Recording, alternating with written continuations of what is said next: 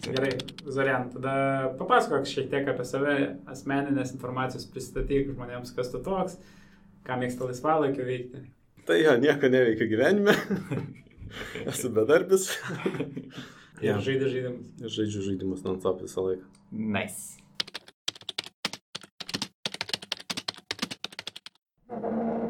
Sveiki, šiandien su jumis Mantas Marcinkus ir Donatas Kimutis. Ir jūs klausotės mūsų podcasto IT taburetę, kuriame mes kalbiname žmonės iš IT sektoriaus, norėdami sužinoti, kaip jie atsidūrė IT pasaulyje, kas jiems padėjo, ko siekia ir kas laukia ateityje.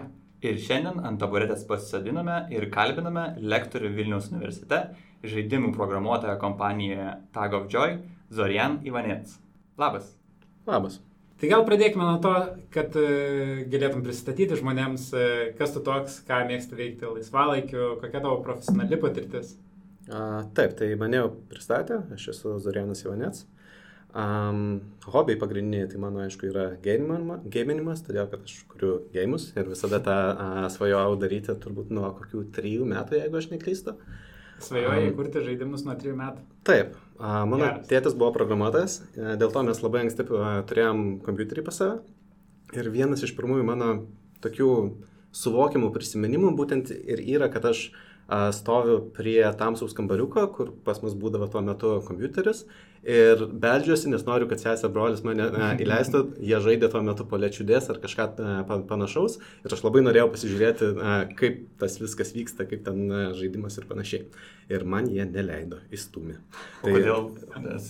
Mažas trijų metų, ką ten nieko nesupranta, lenda ir, ir panašiai. Bet čia toks liūdnas pirmas prisiminimas. tai daugiau mažiau visą laiką ir svajojau kurti žaidimus, ką dabar ir darau. Tai aš spėju, kad tai jau yra success by default. Um, jo, jeigu dar kažkas be, be gėminimo, tai hobis galbūt toks yra Lindy Hopą šoku. Uh, pastaruosius metus nelabai tą darau, nes įvairios priežastys ir panašiai, bet šiaip 5-6 nu, metus atšokęs, tai visai, visai patinka. Ir, ir nežinau, turbūt tiek iš tokių didesnių hobių. A, profesionali patirtis. Nuo kur prasidėjo viskas? Na, žinai, kada pradėjai pirmą kartą programuoti galbūt? Ai, kada pradėjau pirmą kartą programuoti. Ja. Taip giliai. Pradėkime nuo to ir paskui eisim tikriausiai per... Taip, taip giliai, nu, tai kažkada mokyklai, ar net prieš mokyklą, atsimenu, su Fox Pro mane tėtis bandė mokinti kažką programuoti, dariau kalendorių. A, tada nelabai man tai patiko Ir to viskas įsibaigė iki mokyklos, kai prasidėjo burelis IT mokykloje ir mes mokinomės kurti webpage'us su HTML realiai. Tai tada pasigavau, kad IT yra visgi kažkas awesome ir čia mm. išmastoma ir, ir užtenka turėti kelis sintaksinius žodžius ir iš to viskas susilipdo. Ir buvo tada tokia magija, kad nereikia visko prisiminti labai daug, kaip ten kažkokiose kalbose ir, ir panašiai, kas man a, visada turbūt sunkiau sekėsi. Ir, nu, toks ganėtinai magiškas dalykas ta, pasirodė, tai pradėjau kurti puslapius, žaidimam puslapius, tai galvojau, kad darysiu, darysiu kokį nors puslapį turnyram Lietuvoje kazokų žaidimą, čia nežinau, gal kokie jau 2000 mhm. metai buvo. Padariau tą žaidimą, su, suradau savo pirmąjį, a, pirmąją auką, kuris žais su manimis, a, jis man pakrojo malkų ir tuo to tas puslapis ir užsibaigė. Supratau, kad aš visiškai nemoku žaisti to žaidimo, palyginus kaip jis žaidžia ir ai, gal geriau kažką kitą kūriau. tai ten Heroes trečių na, puslapius kažkokius kūriau ir, ir panašiai. A, po to mokykloje, kai prasidėjo normalus programavimas, tai pradėjau, pradėjau mokintis su Paskaliu visi mokyklai um, buvo labai toks komandinis darbas, todėl kad mokėmės abu tiek ir mokytoja, tiek ir aš. Mm. A, nes realiai buvom tik tai dviese klasėje, kurie norėjo programuoti, nu tai dėl Čia to... Dviese tai mokytoja. Ne, ne, dar, dar, dar vienas klasiokas. tai, tai jinai matosi, kad labai daug stengiasi, kad va, mus visgi išmokint programuoti. Nes tokių mokyklai nedaug turbūt būdavo. Um, Taip. Tai tada daugmaž, kai pradėjau paskalių programuoti, tai pradėjau kurti kažkokius mini žaidimukus, ten labirintą, pavyzdžiui, tekst, tekstinį ten ir panašiai ir panašiai. Um, tada įstojau į universitetą, buvo šovę daug kvailų minčių gal stoti į fiziką, pavyzdžiui, ir, ir panašiai, tai įstojau į programų sistemas ir visiškai atsitiktinai, todėl kad tiesiog paskutinę minutę sukeičiau fiziką su informatika, su programų sistemom, tai įstojau į programų sistemas. Um, ten mokiausi ir studentavau, kaip visi ir daro. Ir Prieėjau tokį kursą laisvai ar pasirinkamasis, ten jis buvo, aš dabar tiksliai ne, neprisimenu, kurį dėstė Žilinas Ledas. Ir būtent tas kursas vadinasi kompiuterinių, žaidimų kūrimas. Aš prisiminiau, kad, o, jo, čistai. Taigi... Nuo trijų metų. ir niekas su to nedariau. tai po, po, po to kurso praėjo gal dar, nežinau, metai ar du metai lankiausi gimdžiamuose, tokie kaip kasmetiniai hackathonai, kur susirinka visi Lietuvos game developeriai ir ne, kažką bando kurti. Nu, tai greičiausiai mane ten dar kartą pastebėjo ir tiesiog pakvietė į darbo pokalbį ir nuo tada aš ten praktiškai ir dirbu. Tai še, šešti metai turbūt gal dabar yra, kai aš sėdžiu tą gaudžioją ir laimingai savo kodinu ir kuriu gėjimus. O kuo skiriasi, pavyzdžiui, e normalios programos rašymas nuo, nuo žaidimo rašymo, nuo žaidimo kūrimo. Normalios programos tai turiu omeny gal labiau apie kažkokią verslo sistemą arba universitetinę programą, kurią reikia sukodinti. Mhm. Um, kaip aš turbūt pats įsivaizduočiau daugiausia, tai dažniausiai tos įprastos programos, desktopinės pro programos um, būna paremtos blokeliais, visokiais tais UI, kurie mm. a, realiai, nu, nežinau kaip tą pavadinti, pa, nu, paprasti UI. A, tai tos kompiuterinės grafikos ten labai nedaug yra. Tuo tarpu... Frontendo developeriai supyja. Paprastais blokeliais. Gerai, galbūt tai reikėtų perfrazuoti, bet nežinau, kaip, kaip, kaip tiksliai įsireikšti. Tai Tai bet kuriuo atveju ten turbūt nėra tokių sudėtingų mechanizmų, kaip kad a, 3D grafika, veikėjai, kurie juda, animuojasi ir taip toliau, ir Mhm. taip toliau. Ta pati Tai- fizika turbūt. Mm, Taip. Tai vienas turbūt iš tokių aspektų, kas mano nuomonė skiriasi galbūt nu, stipriai, tai būtent visa ta kompiuterinės grafikos dalis. Pradedant, pradedant modeliais ir paveikslėliais, piešimu ir užbaigiant shaderiais ir, ir visais kitais dalykais. Um, kita turbūt dalis, kuris stipriai įsiskiria, tai būtent yra psichologinė dalis. Nes uh, realiai programomis naudojasi turbūt tie žmonės, kuriem reikia tų programų.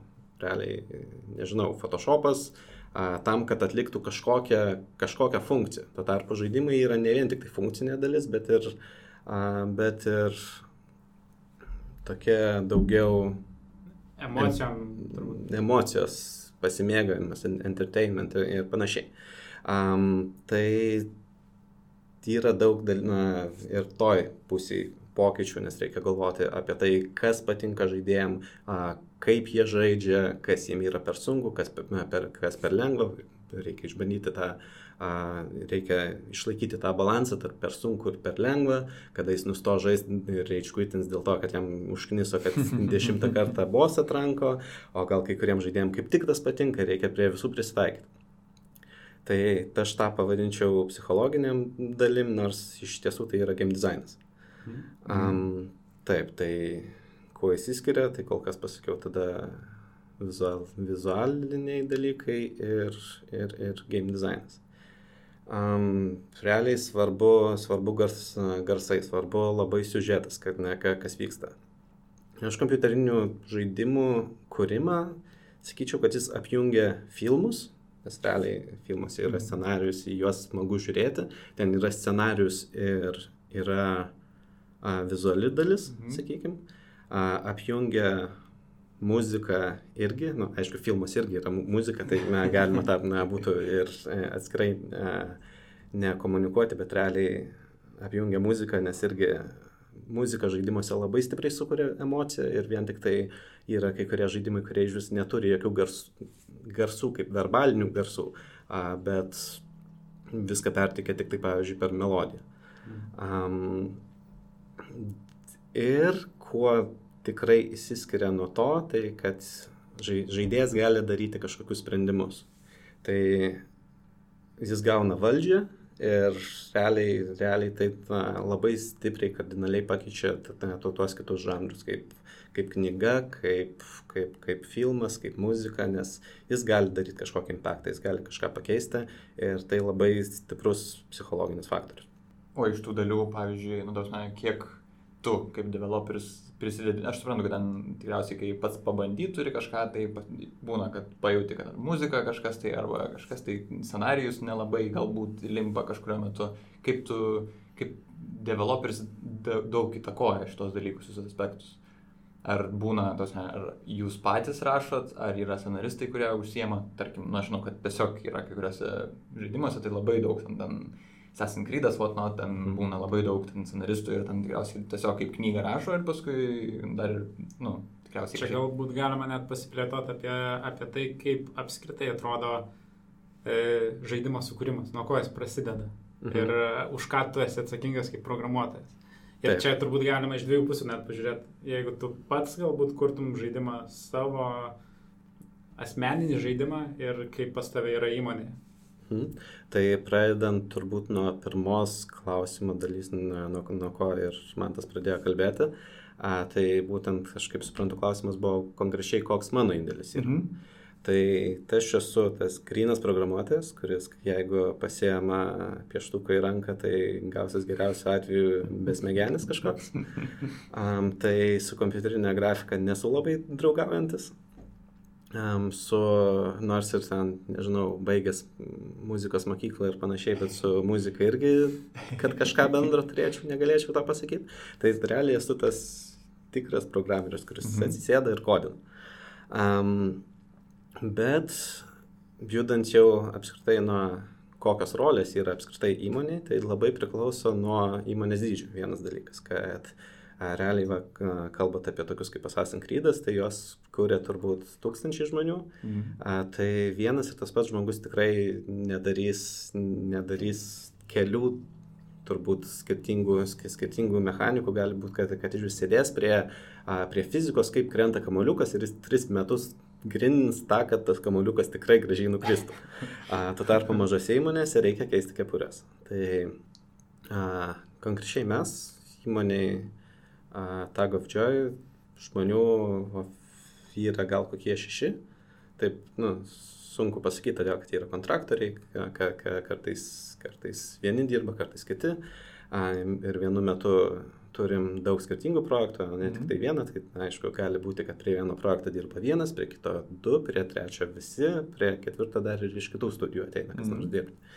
Tai pas mus reikia, tikrai dažnai prireikia keitinėjimo to kepurių, kepurių ir labai dažnai gaunasi, kad a, labai iteratyviai viską darom. Tai realiai, pavyzdžiui, jeigu darom kažkokį mažą, mažą žaidimuką, tai prototipas, pasitestavimą, ar tai veikia ar neveikia, nu, tai yra idėja kažkokia žaidimo, kur, kurią galėjo sugalvoti bet kuris, a, bet kuris iš įmonėje esančių nu, žmonių ir, nu, tarkim, vienas pradeda kurti. Um, sprendimus dalinai pasitarė visi komandai ir stengiasi žiūrėti, kaip visgi gali būti vienoje situacijoje geriau, kaip, kaip kitoje situacijoje geriau. Tai ne, iš ties kartais būna netgi tokių dienų, kai dvi valandas uh, ofise intensyviai prasiginčia apie tai, ar mygtukas turėtų būti kairėje ar dešinėje. Um, na, ne konkrečiai tokios problemos, bet panašaus lygio. Tai būna visko ir kiekvienas iš mūsų bent jau tam tikras kepurės tikrai užsideda. Tai game dizainerio, pavyzdžiui, programuotojo, todėl kad praktiškai visi mes ten sėdim beveik programuotojai. Um, taip. O kaip gimsta tos idėjos, nu, tarkim, patiems prototipams, tarsi, kažką tai pamatot, ar kažkas tai šiaip gimsta, nes labai klausimas, aišku, toks atviras, e, kas kūrybiškumas iš kur atsiranda, bet... Nu, čia jau filosofinis klausimas. Ja, labai. čia jau sunku į tokį iš ties netgi yra na, atsakyti.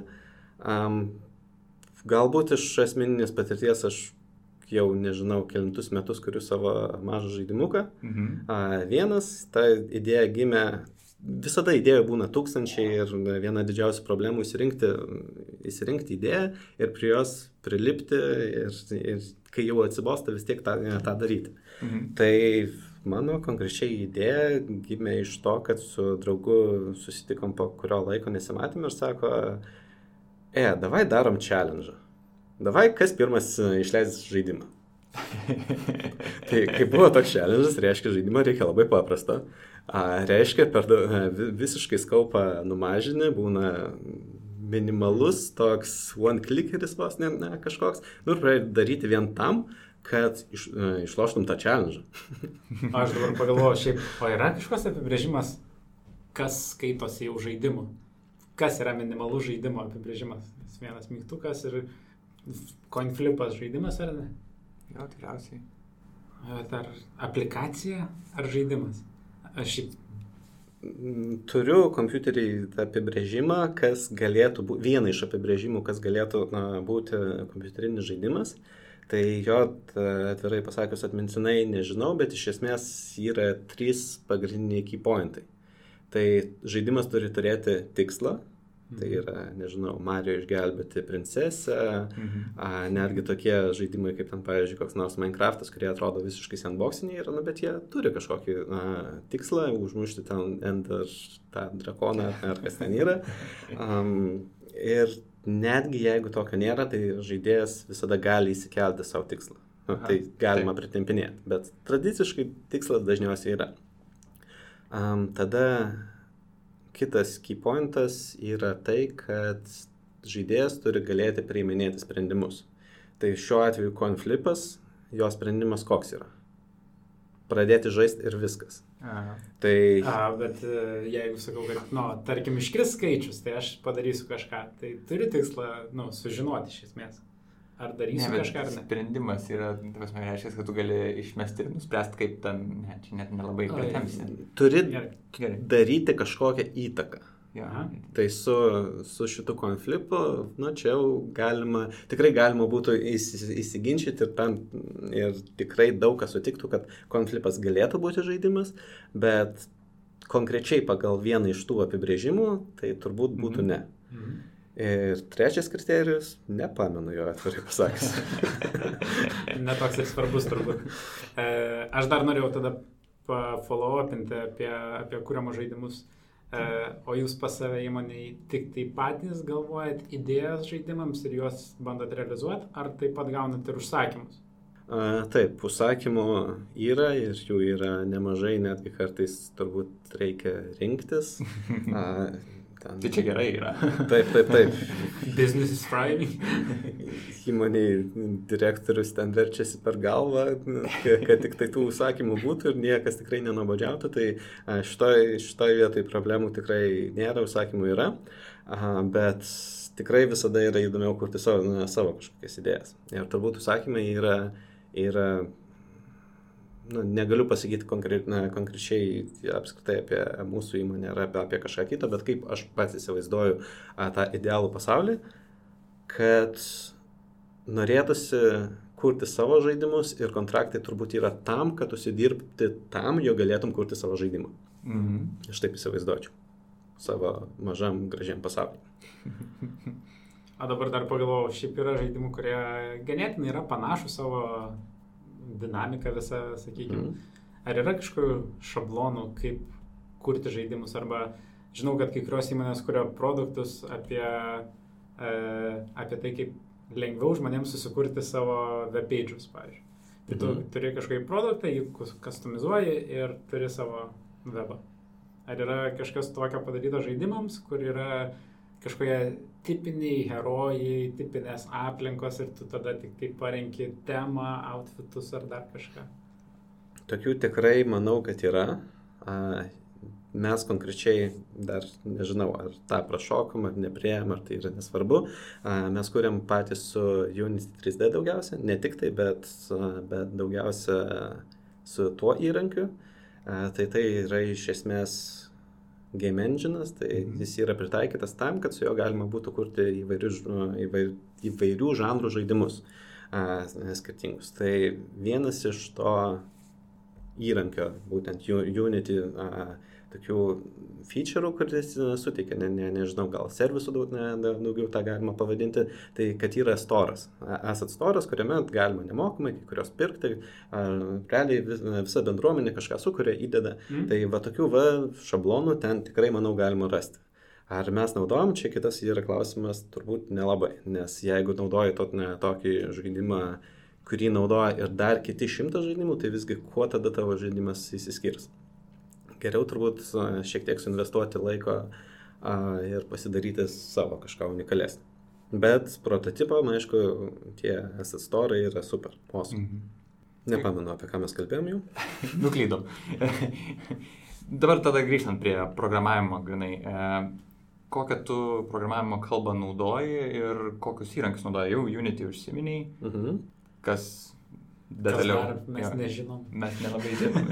Taip, tai Pagrinde šiuo metu naudoju C Sharpą, todėl kad Unityje daugiausia galima programinti C Sharpą. Tai, tai aišku, kai, kai jau kodinį iš C Sharp, tai ateina Visual Studio įda ir panašiai, jeigu kalbant apskritai apie tulsus. Mhm. Um, taip, bet nėra taip, kad naudotume tik tai ne, šitus dalykus. Uh, vienas dalykas, vienas dalykas, kad pavyzdžiui, kūrėm dar anksčiau labai specifinį žaidimą, kuriam, kuris, kuris yra netoks dažnas kaip, kaip galbūt visi kiti. Nu, tai realiai uh, Unity, tarkim, tokio funkcionalumo neturi. Uh, mes tuo metu uh, darėm Windows Phone, iOS ir Android, nu, tai, tai aišku, tą funkcionalumą, kur, ne, kurio Unity neturi. Uh, Unity sveika yra cross-platform, tai reiškia, kad vienas mhm. kodas veikia daugumai platformų bet ne visom platformom ir ne viskas veikia ir panašiai, tai na, reiškia, kad reikia tam tikrus funkcionalumus pasidaryti patiems. Tai imi Android Studio, kodinį ten su Java, tuo metu dar ne, kodinau, ne, kodinino kažkaip nedėtėm. Um, tada irgi tuo, tuo, tuos pačius Windows Phone, kad ne, kažką daryti arba Windows Store, kuris funkcionalumu kaž, ne, kažko nepasižymė. Nu, tai tekę yra rašyti ir su C++ kažkokius dalelus ir panašiai. Kai būna užsakymai, iš užsakymų labai dažnai galima tikėtis apskritai visko. Gali būti ten snapshot'o programėlę kažkokią padaryti, gali būti paimti visiškai kitus įrankius ir daryti, prisitaikyti, adaptuotis. Tai turbūt kaip ir apskritai visa programavimo rinka, ne vien tik tai žaidimų kūrimas, reikia būti dinamiškiam ir mokėti prisitaikyti. Tai daugiausia Unity, bet yra visko tekę paliesti, po, po truputį bent jau. O taip pats naudoja Unity ir jūs, kaip supratau, naudojat Unity pagrindę. Kokia būtų pa, pati populiariausia žaidimų kūrimo kalba, A, jeigu tokią galima apskritai išskirti? Apskritai. Tai, apskritai. Žaidimams skirta. Na, nu, pavyzdžiui, tas pats Assassin's Creed arba, arba vat, tokio tipo žaidimai? Aha, tai turbūt irgi labai priklauso nuo ir įmonės dydžio, ir nuo išteklių, ir nuo, per, nuo realiai tikrai vis dar, sakyčiau, turbūt didesnė dalis didelių žaidimų yra kuriama su C++.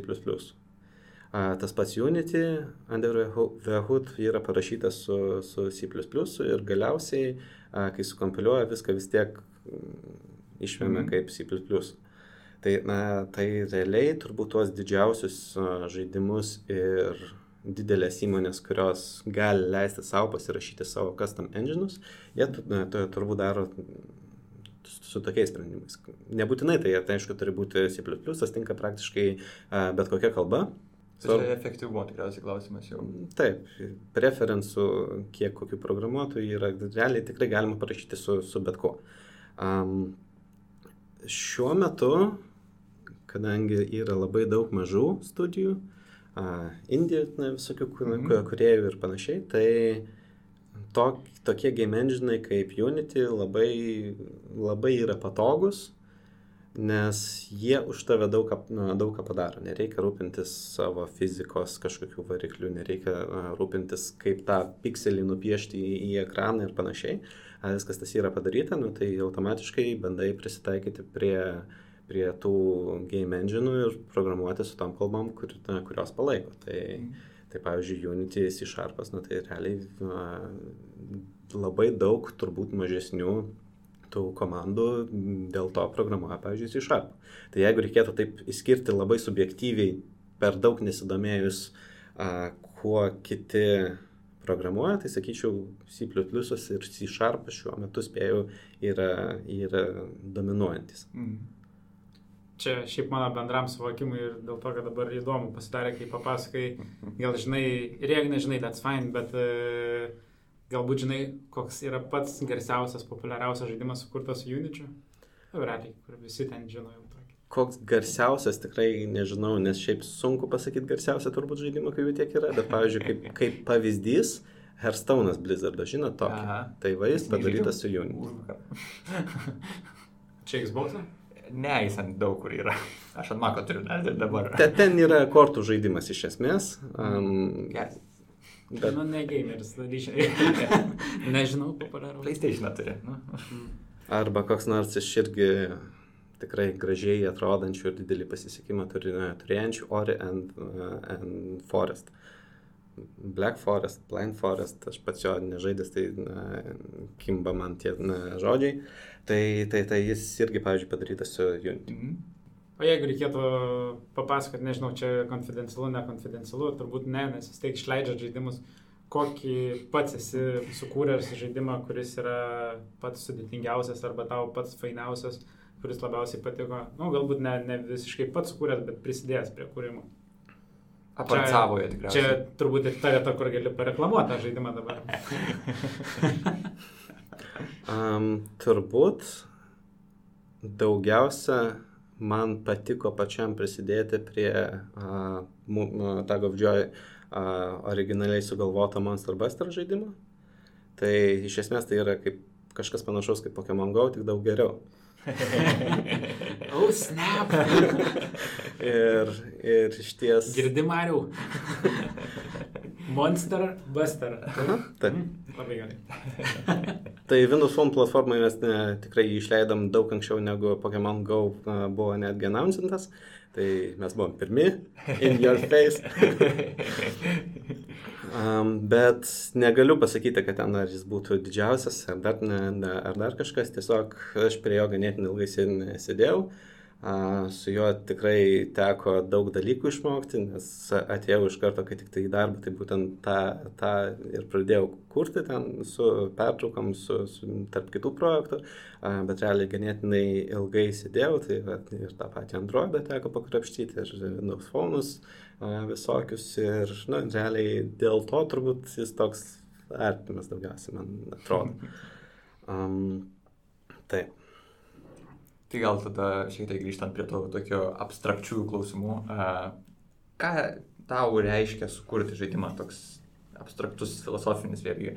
Galbūt ir etapai, kaip išsidėlioja ir ar tai gali padaryti vienas žmogus šiaip? Nu, tu jau kuri, bet, nu, tai, bet galbūt kaip pavyzdį. Aha, tai antra klausimo dalis yra tikrai lengvesnė, ar tą gali padaryti vienas žmogus. Tai atsakymas taip. Um, tikrai yra daug success story pavyzdžių, kai vienas žmogus padaro tikrai gerą ir labai pasisekusi žaidimą.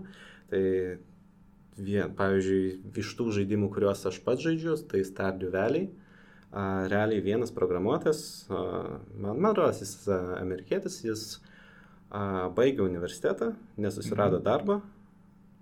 Dėl kažkokių priežasčių jo tiesiog ne, ne, nepriėmė, galbūt, galbūt nu, ne, nežinau kokias ten. Reikalavo penkių metų patirties. Mhm, taip, taip, taip. Na nu, tai jis nusprendė ten per, per pusmetį padaryti savo, savo kažkokį gėjimą, jei gaus patirties, tu, tu, turi daug idėjų, nu, tai va pradėjo daryti. Ir po kažkur keturių metų, tie šeši mėnesiai įsitempė į kažkur keturis metus, jis turėjo, aha, turėjo, turėjo gėjimą, Stardew Valley, kuris tikrai pripažintas visam pasaulyje, na, jį žaidžia labai daug ir per pirmą dieną jis ten seilų turėjo turbūt milijonais. Um, tai, bet iš kitos pusės, nors tokių pavyzdžių tikrai yra, mm netgi ir Lietuvoje tokių na, na, success story galėtume su, surasti, bet vienam padaryti yra daug sunkiau negu mm. dirbant komandai. Vienas dalykas tas kepurės, kurias reikia keitalioti, tai yra ganėtinai sunku, nes realiai viską reikia, reiškia, reikia žinoti, reikia ir mokėti piešti, ir a, muziką kurti, ir žinoti, žinoti networkingą, jeigu ten darom kokį nors multiplayerį, ir kodinimą, ir, ir backendą, kažkokį, na, žodžių, game designas visas. UAUS piešimai, galiausiai marketingai ir, ir panašus na, dalykai, viskas ant vieno žmogaus pečių, tai mhm. nu, čia tą padaryti tikrai yra nelengva. Tai kiek žinau, tas, vien, tas vienas žmogus kūrė Stardew Valley, per tos keturis metus jis daug maž padedamas savo merginas. ne, nedirba ir full time, net ne full time, ten po 10-12 valandų per dieną, 6 dienas per savaitę kodina. A, tai, nu, čia reikia tikrai tik patys valingiausi tą, tą, tą gali padaryti. Tuo tarpu turint a, komandą, kai kiekvienas turi a, savo atsakomybės rytį arba sritis mhm. arba dar kažką, turbūt tą padaryti yra daug lengviau. A, kitas dalykas, kad net ir motivuotis daug, nu, daug lengviau, kai yra su kažkuo pasikalbėti, su, su, su kažkuo, nu, ne vien užsidarius vienam kodinti kažkokioj spintai. Um, taip, o kita klausimo dalis buvo, kas man yra sukurti žaidimą. Mm. Filosofas niekad geras nebuvau. um, reikia turėti idėją ir reikia, kad ta idėja tau patiktų. Man atrodo, kad a, grįžtant į tuos senus laikus, kai, kai neprogramavau ir svajau kurti žaidimus. Tai atsimenu, kaip 7-8 metų paišydavau ant lapo, ant lapo kažkokius level designus mhm. ir juos po to braukydavau ir pereidinėdavau ir toks būdavo mano kaip žaidimas ir aš tuo metu įsivaizdavau, kad aš jau padariau kompiuterinį žaidimą. Mhm. Tai jis nebuvo kompiuterinis žaidimas, bet jis nu, buvo beveik žaislas, sakyčiau. A, tai va, pridedam vaiko idėją ir šiek tiek programinimą ir mhm. turbūt žaidimas jau gali būti. Bet tai laimingi tėvai buvo pigus išlaikymas, pats vaikas žaidimų savo susikurti. ne, ant sienų pieši. Tada, žinai, tas nelabai faina. o aš dar norėjau paklausti, o kada užsibaigia žaidimo kūrimas? Nes e, programiniai sistemoje, programinės sistemos kūrime, tai mes vis tiek su, suprogramuojam kažkokį naują feature funkcionalumą, kad ir kaip ten be pavadint, tada mes jį ištestuojam, nu ir tada jau paleidžiam į produkciją. Ar čia yra kažkokių sąryšių su tuo, ką mes darom, pavyzdžiui, ar yra testavimas e, tų pačių žaidimų, ar juos useriai ištestuoja? Visas gyvavimo ciklas tikrai yra, gali būti lygiai toks pats kaip ir, kaip ir visų kitų programų programavimas sričių apskritai viso kito softwaro. Um, gali būti netgi daugiau kažkokių steidžių. Pavyzdžiui, jeigu vėl na, kalbėsime apie tokį dalyką kaip, kaip, kaip būtent tą vizualią dalį, dalį, tai dažniausiai būna kažkokie, pavyzdžiui, koncept artistai, kurie iš pradžių tik tai a, nupiešia daug maž kaip jie įsivaizduoja, greitai tokį, kaip sakykime, artisto prototipą. Mhm. A, realiai pa, pa, pasidalina su idėjas autoriais, pa, pa, padiskutuoja, o tai visgi taip turėtų atrodyti, kitaip kažkaip turėtų, turėtų atrodyti. Ir tik tada iš tų koncept, pagal tos konceptartus, artus jau tada a, modeliuoja 3D, pavyzdžiui, dalykus ir panašiai. Mm. Nes, nu, tiesiog taip yra tikrai pigiau vieną kartą nupiešti ir pataisyti 2D paveiksliuką, negu, negu po to ten milijonus poligonų keisti. Mm. Tai Nu, čia gal toks tuo neužsibaigia, na, tai aišku, tada yra programavimas, testavimas, tai testuoti, aišku, kaip ir viską reikia, bet lygiai taip pačiai kartais galima įstumti kažkokią alfa versiją istoriją ir pasižiūrėti visgi gal bus kažkokių atsiliepimų, kad pas mus ant 33 ištestuotų devaisų viskas veikia, o gal ant 34, kuris bus kinietiškas devaisas padarytas ne pagal standartus, ten galbūt bus sukeistos, pavyzdžiui, akcelerometro ašis, kaip mes įsiaiškinom vienoje vienoje situacijoje. Ir ten viskas veiks kitaip. Tai reiškia, tas visas palaikymas stadija irgi yra. Tai čia blogiau yra nei, pavyzdžiui, kelios naršyklės ir kelios jų versijos. Čia iš tikrųjų devaisų tai daug yra, ta prasme. Tai su Androidais konkrečiai kalbant, tai taip, ten galima, ten galima... Visokių egzotikų rasti. Tikrai taip.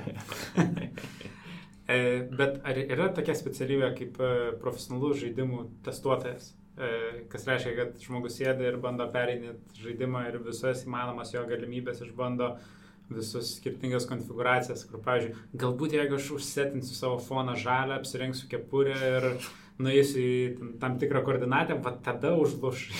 Apskritai tokia specialybė tikrai yra, bet turbūt didesnėse įmonėse mes dedikuoto tokio žmogaus neturim. Patys turim, patys turim, nežinau kaip tą pavadinti, privilegiją pažaisti savo žaidimą ir jį patestuoti.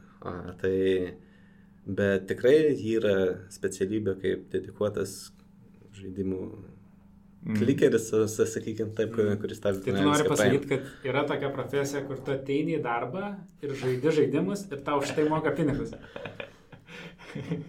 Nežinau, man tai šitą gausim turbūt iškirpti, paskui gali žmonės sprendimus įtakot, pradės, pradės daryti įtaką blogą. Bet aš esu girdėjęs, kad iš tikrųjų yra ir tavas, na, aš nežinau, kaip, Zorian, kaip tu norėtum, ar norėtum gal labiau testuoti, nu, tipo, šitaip. Tai čia mes galim turbūt pereiti ir prie publikos klausimo, kur Šarūnas klausė. Ja, Šarūnas klausė, ar smagiau kurti žaidimus, ar juos žaisti yra tau? Taip, tai atsakant iš pradžių į tą pradinį, kad Taip, tokia specialybė yra, ne aš tokių skelbimų net nesu matęs, bet, a, bet šiaip tikrai tokia specialybė turėtų egzistuoti, nes kai, ne, kai kurie žaidimai yra tokie dideli, kad juos tikrai būtina iš, ištestuoti ir nu, reikia net ne vieno žmogaus. Turbūt tokios profesijos mano irgi subjektyvų įsivaizdavimų galbūt yra mažiau apmokamos negu kažkokie aut, automatinių te, testų kreitoriai ir panašiai, bet yra. Pats tokios profesijos nelabai norėčiau, mhm. nes žaidimas, mano nuomonė, turi būti malonumas. Ir o ne darbas, kad žaisti 20 valandų tą, tą, tą, pačią, tą pačią scenarijų ir stengtis, kad ne, va dabar, va 21, tai jau tikrai bus kitaip. Tai kai... Gal kiekvienam patinka tas. Nežinau, jis skamba nelabai. Kažkurį laiką atsibost. O judant link antros klausimo dalies, ar visgi kurti ar žaisti yra smagiau, tai tikrai kurti yra smagu, bet man atrodo, kad jeigu kurti žaidimą yra smagiau negu jį žaisti apskritai, mhm. tai turbūt su tavo kuriamu žaidimu kažkas yra negerai.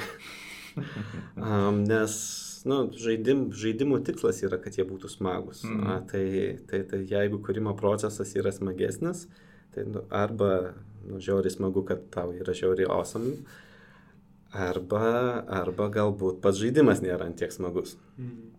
Bet tikrai nėra taip, kad kurti žaidimus nėra smagu, nes tai ne, tikrai tai yra smagu ir yra daug visokių įdomių challenge'ų e, ir panašiai. Ir tai tas kepurių kaitaliojimas bent jau man yra labai awesome e, dėl to, kad kartais būna sėdėti savaitę prie vis, vieno bago nu, gali užknisti. Tai nueini, pataisai visai su kažkuo kitu susijusi, grįžti ir, o, na, nice, viskas gavosi įsisprendė ir ta kita problema. Tai, nu, tiesiog darbas yra darbas, yra darbas ir jis turi būti smagus, bet jis turi kartais būti ir nesmagus, tuo tarpu žaidimai turi būti visada smagus. Tai nežinau, ar aš atsakiau šitą klausimą. Atsakyk, atrodo. O pats, koks dabar šiuo metu, kokius nors žaidimus žaidit tokius, kur labai užsikabinęs esi, arba gal jau kažkiek laiko esi užsikabinęs, nes būna ir taip. Šiaip esu ganėtinai didelis Blizzardo fanas ir bent jau kažkiek pabandęs esu turbūt visus jų žaidimus. Bet šiuo metu esu labai užsikabinęs ant Heroes of a Storm tokio žaidimo, kuris yra mažiau populiarus savo, mhm. savo rinkoje. Tai yra MOBA, 5 prieš 5, žodžiu, teamfightai, kažkas panašaus kaip LOLas, kaip Dota, kuris irgi gimė iš, iš to mhm. paties Blizzardo Warcraft, Warcraft'o. Tai, tai, tai, tai taip, esu užsikabinęs ir kartais pažaidžiu įvairius žaidimus. Uh, ne tik tai šitą, esu didelis fanas nuo, nuo kokios, nežinau, antros klasės uh, Heroes of Might and Magic žaidimo, tai vis dar iki šių dienų kartais, uh, kartais įsijungiu pažaisti, arba ten su klasioku susitinkam ir, ir suplikam kokią partiją, arba grupiokais. Um, Taip, o šiaip tai yra ir daugiau tų žaidimų, bet turbūt dabar neverta visų jų vardinti, nes galim to ir užbaigti. O kiek ilgiausia partija Heroes visom, nu, net e, Heroes pačiu galbūt partija ilgiausia, kiek buvo užtrukus, nes aš esu žaidęs per naktį vieną kartą, tai tada buvo labai įtempta. Tai greitai užbaigiai. Ne, tai bet aš ir ir įdomu buvo. Mes buvom labai išvargę jau ten paryčiais. Mėg, mėgstu, mėgstu didelius mepus. Ir žaidžiam, žaidžiant multiplayerį kartais būna užsitęsėje. tai kad kad pra, prabūti iki paryčių tikrai yra buvę, ypač kad, ne, kad kai susirinkai lant patį, tai dažniausiai neveikia viskas iš pirmo karto. Ta, tokia taisyklė, kad kai ateini, tai vienas būna neatsisiuntęs kažko, kitas, a, kitas kažko kito neatsisiuntęs, ten su senesniais žaidimais gal kas nors neveikia, ne iš mhm. karto susi, susikonektina ir, ir panašiai. Tai tikrai be esam ir nebaigę per, per, per naktį, bet tiesiog na, šiais laikais taip retai gaunasi pažaisti, kad, kad, kad, kad jau tada, kada pažaidži, tai tada in būna. Mm. Ir per naktį ką. Tai tada gal dabar jau nukrypstant nuo, nuo, nuo žaidimų žaidimo, galbūt grįžtant prie e, kūrimo. E, kokia yra šiuo metu žaidimų rinka Lietuvoje, galbūt, nu, pradėkime nuo to ir kaip jinai atrodo Faina tai, kad klausimas buvo, kokia yra rinka, o ne ar jinai yra. tai visų pirma tai. Nu, vienas dalykas, mes tai pasikvietėm, čia jau mes suprantam, kad jinai egzistuoja. tai rinka yra ir turbūt didesnė negu, negu galima įsivaizduoti visiškai iš pradžių ne, nepasidomėjus, nes, nu, bent jau man, kai aš atėjau į į gimdevą, aš tik tada supratau, kad gimdevas egzistuoja. Irgi nu, tokia standartinė situacija, kai a, netgi, nu, svajoju kurti žaidimus, bet per daug apie tai nesusimastai, nes galvoju, ai, nu tai arba važiuosiu į užsienį, arba mm. nekursiu žaidimų, arba kursiu vieną žaidimus ir neaišku, kaip man ten seksis. Ir po to, wow, geras, čia yra, yra įmonių, kurios kuria žaidimus. Tai tokių įmonių tikrai yra. Uh, Ir yra netgi ir visai nemažų, pavyzdžiui, Norkarentai, um, pavyzdžiui, pavyzdžiui, Asteroidsai, No Breaks Games, Playdeadai atsikraustė irgi čia ne, ne per seniausiai į Lietuvą, Game Insight ir, irgi, ir taip toliau. A, tikrai tų įmonių yra, jų turbūt yra, nežinau, kokia pastoviai ten keičiasi, aiškus, mhm. aiškus skaičius, bet turbūt iki 30 galima būtų suskaičiuoti per, na, per, per Lietuvą, įskaitant ir na, tos tikrai mažas studijas, kur na, mhm. susi, susijungia keli draugai ir davai padarom game. Tai taip, o kalbant apskritai apie rinką, ką būtent kuria lietuviai, mhm. tai jeigu anksčiau būtų turbūt, būčiau nesumelavęs, jeigu pasakyčiau, kad daugiausia mobile rinka, Tai dabar einam ne vien tik tai į mobile rinką, bet na, einam ir į konsolės, ir į VR, ir į, į PC, ir visur, kur tik įmanoma. Nes tiesiog a, turbūt kodėl anksčiau būdavo daugiausia mobilas, nes mobilo žaidimai yra mažesni ir juos gali mhm. padaryti mažiau žmonių, kadangi Lietuvoje nu, visgi netiek daug žmonių apskritai. Tai, tai, tai ir tuos maž, mažus gėjimus padaryti daug yra lengviau. Um, bet tikrai galim rasti gerų pavyzdžių, kur ir ne tik tai mobile game'as tu, turi pasisekimą, tai pavyzdžiui, uh, No Breaks Game, game wow, padarė, padarė Human Fall Flat tokį, uh, tokį žaidimą, nežinau, ar teko girdėti. Tai jis turi kokius 2 milijonus atsisiuntimų Steam, kas mhm. yra tikrai nemažai ir realiai čia spėju, kad yra vienas iš tų pavyzdžių, kai beveik vienas žmogus padaro a, didžiojo dalį darbo. Mm. Cool, šitas geras. Tai realiai visi neemigravę lietuviai parsisinti. no, per žinias parodė. Taip gaunas, parsisinčiam. Bet apskritai rinka kūrimui tai orientuojasi į pasaulį, o ne į lietuvius. Aha. Tai tikrai yra tų tokių nacionalinių projektų ir jie nesakau, kad jie yra nepasisekę ar panašiai, bet jeigu jau žmonės tengiasi užsidirbti pinigų, tai turbūt stengiasi galvoti ir kaip tą pritaikyti ir kitiem, ir, ir kitom valstybėm, nes, na, nu, kur 3 milijonai, kur ten milijardai. Mm. potencialių žaidėjų. O kurdami žaidimus galvojate apie jų security, apie apsaugą nuo, nuo visokių čytų? Um, taip. Taip. Galvojat, ar darot ką nors?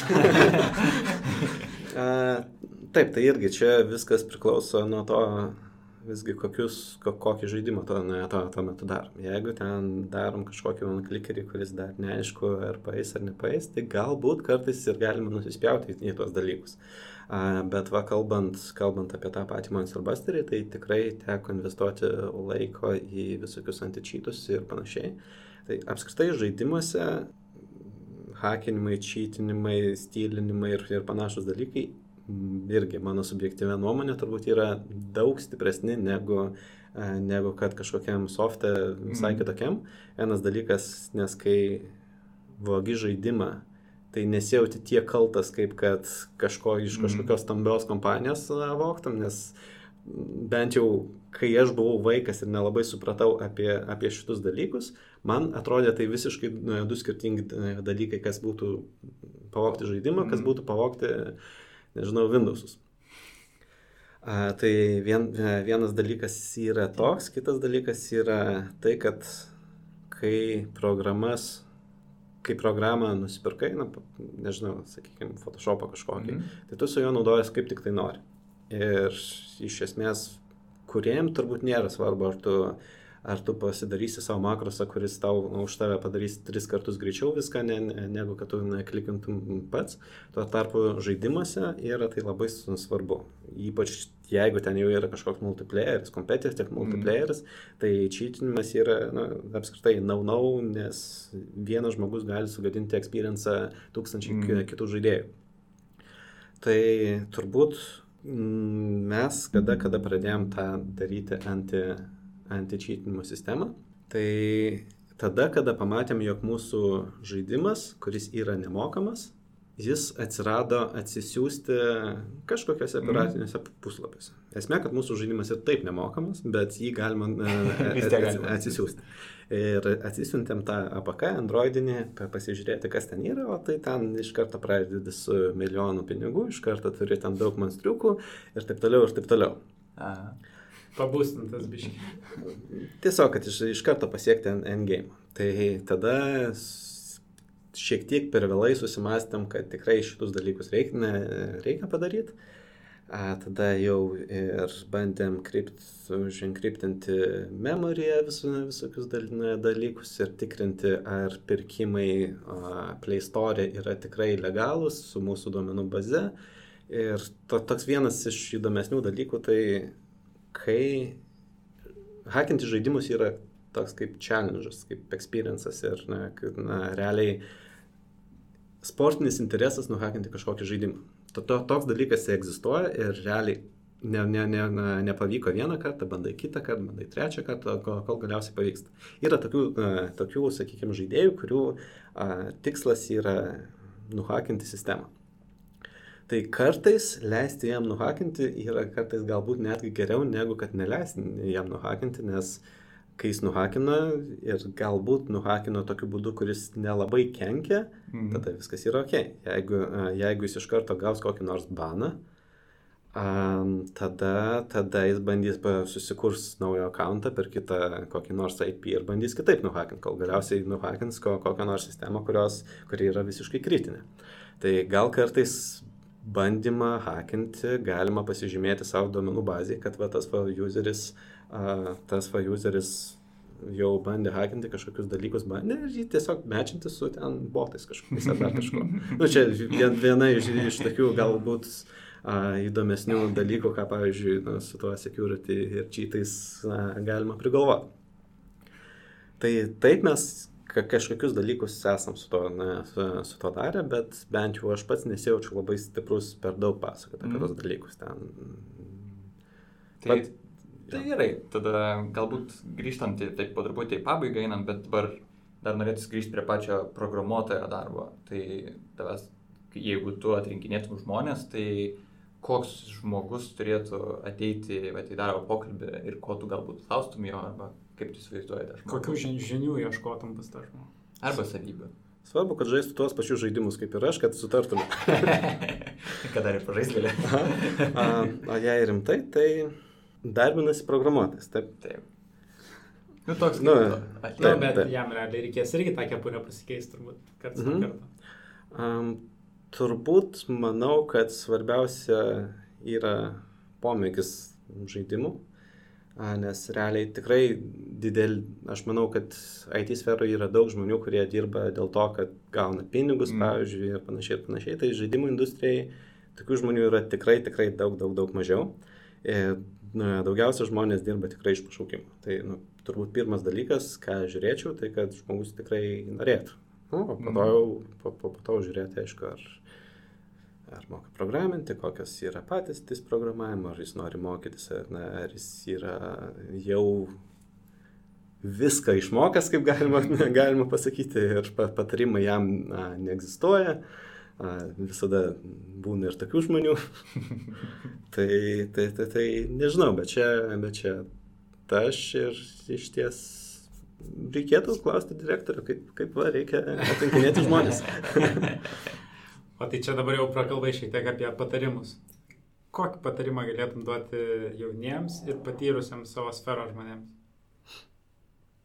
Um, jauniems, sakyčiau, patarimas būtų toks, kad nešokti aukščiau bambas, nes visi, kas, na, čia top vienas klaida pradedančių game devę, a, tikrai pats esu tą, tą, tą patyręs, kad realiai netgi žinodamas tą klaidą, ne, vis tiek tą patį na, tūkstantį kartų galvojasi ir darėsi ir panašiai, realiai kai galvoji apie gėjimą, iš karto galvoji apie tokį gėjimą, kokį norėtum žaisti. Dažniausiai, kai galvojame, na, kokį nori pats gėjimint žaidimą, tai jie būna sudėtingi, dideli, va, ten paimkim na, visokius atsakymus, sinkrydus ir panašiai. Tai iš karto šokti prie tokių žaidimų, nu, yra turbūt nelabai realu ir bent jau didžiai daliai tikrai nerealu. Galbūt Mhm. tai, tai tikrai yra va, to, tokių pavyzdžių, kurie ateina ir per keturis metus pa, pa, pa, padaro stardių vėliai. Bet turbūt statistinis, statistinis žmogus, kuris atėjęs, turbūt turėtų pradėti nuo gerokai mažesnių a, žaidimų, tai yra nuo būtent kažkokių anklikerių ir tu pamatyti, kaip ten viskas eina. O, o profesionalam, ką galėčiau patarti, tai kad grįžkite į Lietuvą ir kur, kurkite žaidimus čia.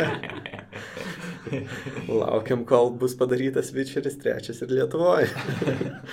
Arba tokio lygio kažkas, taip kad reikia, reikia, kad čia būtų visi, kas tik įmanoma. Mm, Witcheris 3. Good stuff. Tai dar pabaigai galbūt turim keletą klausytojų klausimų. Uh, jie paprastai galbūt atsakyti, nežinau, kaip išsiplėtosi galbūt. Uh, Vytautas klausia, kiek dėmesio skiriat marketingui žaidimų jūs? Um, galiu įsiplėsti su pavyzdžiu. Gerai. Tai su savo buvusiais kolegom esam išleidę vieną žaidimuką. A, Realiai, ke- ke- keturiese po vieną iš, iš kažkokio game jam'o nusprendėm tiesiog užbaigti žaidimą ir jį išleisti, nesirūpinant ten per daug kažkokiais marketingais ir, ir panašiais dalykais. Tai turim, nu, ten, nežinau, 15 atsisiuntimų per du metus a, iš Lietuvos, nes, nes tiek turiu a, draugų. Turim porą, turim porą atsisiuntimų iš Vokietijos dėl to, kad, a, dėl to, kad Ir ten turi draugų. Dėl to, kad vienas iš, a, iš buvusių bendradarbių šiuo metu Vokietijoje gyvena. Turim porą atsisintimų iš Kanados, todėl kad kitas a, dabar sėdi irgi Kanadai.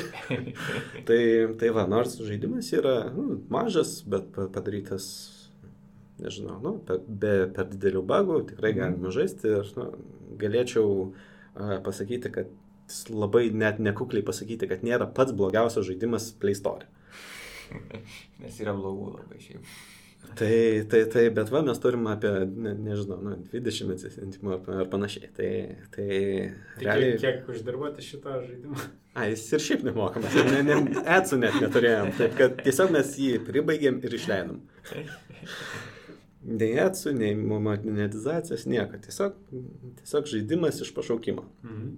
Nu tai va, be marketingo taip ir nutinka. Tai marketingas yra, yra tikrai svarbu. Um, ką pas mus įmonė, tai va, um, pagaliau yra žmogus, kuris atsakingas už, už visą komunikaciją, už, už PR ir, ir panašius dalykus, tai mhm. tai tikimės, kad a, dabar būsim daugiau atsisintimų turintis negu kažkokie vičeriai ir, ir panašiai. tai ties to, ties to dirbam um, ir to tikrai reikia. Tiek galiu pasakyti. Dar vienas klausimas, Šarūnas vėlgi klausia, uh, kiek Ai, nors bendriau atsakytas šis klausimas, klausimas yra, kiek lankstus turi būti developeris, bet mes jau kalbėjome apie kepurės pakartotinai tikriausiai, tai čia tiesiog atsakytas. Tai ir e, Vytauto klausimas e, turbūt irgi iš dalies atsakytas, bet jeigu nori galiu užtvirtinti, tai ar kuriat žaidimus pagal tai, kas parsiduoda, ar labiau iš idėjos? Tai turbūt sakiau, kad aš įsivaizduoju pasaulį, kuriame kuriam parsiduodančius žaidimus arba užsakomus žaidimus tam, kad pato kurti tas, kas yra idėjai. Tas, kas yra iš idėjos jau grinai. Ir aš, nu, bent jau mano galva, tai yra toks ultimate goalas turbūt kiekvieno game developerio, kad vis tiek kiekvienas galvoja, kad va, aš kada nors pensijoje sukursiu savo tą tobulą žaidimą ir, ir panašiai. Gerai, ir tada dar keli paskutiniai klausimai. Čia mes jūsų klausiam, uh, kokią knygą parekomenduotum? Mm. Įdomus klausimas. Um, um, kalbam apie techninės knygas. Nes apie... kokią nori. Aha. Taip, tai jeigu kalbant apie techninės knygas, tai turbūt jų mažiau skaitau, nes ne, daugiausiai yra visokie Stack Overflow, YouTube ir panašus mm. dalykai. A, ir daugiau skaitau fantastiką. Turbūt mhm. tai yra labai gerai paaiškinamas dalykas, man patinka gėjimai, todėl kad, todėl kad gali persikelti į kažkokį pasaulį ir patirti tas, kas yra realiam gyvenime nepatiriama, tai lygiai turbūt dėl, to, dėl tos pačios priežasties um, patinka tokios knygos, kurios irgi leidžia, leidžia įsivaizduoti, jog esi ten, nežinau, herojus gelb, gelbintis princesę arba ją žudantis. Um, tai, tai, tai, tai Tai bent jau didžiausias mano mėgiamų knygos sortimentas būtent ir yra iš fantastikos srities, tai galim turbūt per daug nebėgti ir na, klasikos Vičeris ir Žiedų valdovas. Ir aš dar noriu tada nestandartinį klausimą užduoti, mes visada klausom apie knygą, bet čia pas mus žaidimų kuriejas, tai o kokį žaidimą parekomenduotum žmonėms pažaisti? Jų labai daug. Bet įsivaizduok, yra dabar žmogus, klauso, kuris nėra gameris, labai kažkas žino, ten tos mainstreaminius žaidimus, kurie yra populiarūs. Bet vat, nu, kokį žaidimą, kur, kad būtų, vat, sakytų, atradau žaidimą, nes parekomendavo fainą. Kiekvienas žmogus labai labai yra skirtingas ir iš karto pasakyti, pasakyti vienam žmogui, ką žaisti, turbūt būtų labai sunku, todėl kad realiai turbūt turbūt didesnė tikimybė, kad tas žaidėjas, kuris visiškai prieš tai nežaidęs jokių žaidimų, jam daugiau patiks, pavyzdžiui, tokie žaidimai, kurių galbūt aš netgi nelabai žinau, ne, ne, negu kad a, patiktų ten kai kuriem kitiem gameriam, mhm. pavyzdžiui, žaidimai. Tai čia labai daug yra motivatorių, dėl ko žmonės žaidžia. Ten, nežinau, psichologiniai tyrimai buvo atlikti, kur, kur realiai suskirstė tuos visus motivatorius ten į dešimt kategorijų, kurios visiškai skiriasi ir ten pasižiūri į didesnį gėjimą, supranti, kad yra visos tos kategorijos, o kai kur pasižiūri yra tik poro kategorijų, bet jis vis, vis tiek yra žiauriai, žiauriai successful gėjimas. Tai um, nežinau, šiuo metu aš labai užsihypinęs esu ant, ant žaidimo Factorio. Uh, man rodos, jis čekų yra, Jis vis dar teoriškai early access, nors jis yra daugiau išbaigtas negu didžioji dalis, didžioji dalis užbaigtų Steam žaidimų. Tai ten yra žaidimas apie, apie tai, kaip automatizuoti apskritai viską. Bent jau man jis įskiria mano visus OCD tokius likučius ir priverčia viską dešimt kartų perdaryti to, to, tol, kol bus pagaliau tobulai ir nie, nieko, nieko daug, ne, daug, daugiau nebebus. Tai, tai, tai, tai realiai toks eksponentiškai sunkėjantis žaidimas, kur gale žaidimo supranti, kad, ai, tai va, pirmą minutę kažką blogai padariau ir dabar lengviau restartinti žaidimą, negu viską pakeisti. Tai čia aš jo labai ne, blogai pareklamavau, todėl kad ne, nepasakiau nieko apie, tą, apie tą žaidimą, bet, bet reikėtų... Nu, pavadinimą turim, turbūt to užteks. Tai gerai, Ačiū Zorian e, už nuostabų pokalbį, už insights į Lietuvą, game, gėjimus Lietuvą, kokią rinką ir panašiai. Buvo iš tikrųjų faina. Tai ačiū ir Jums, kad klausėtės podcast'o. Jei patiko, ką girdėjote, prenumeruokite, komentuokite ir ačiū už Jūsų paramą. Čia buvo Mantas Marcinkus. Zorianė Venec. Ir Donatas Kimutis. Ačiū ir iki kito pasimatymo. Iki. Iki.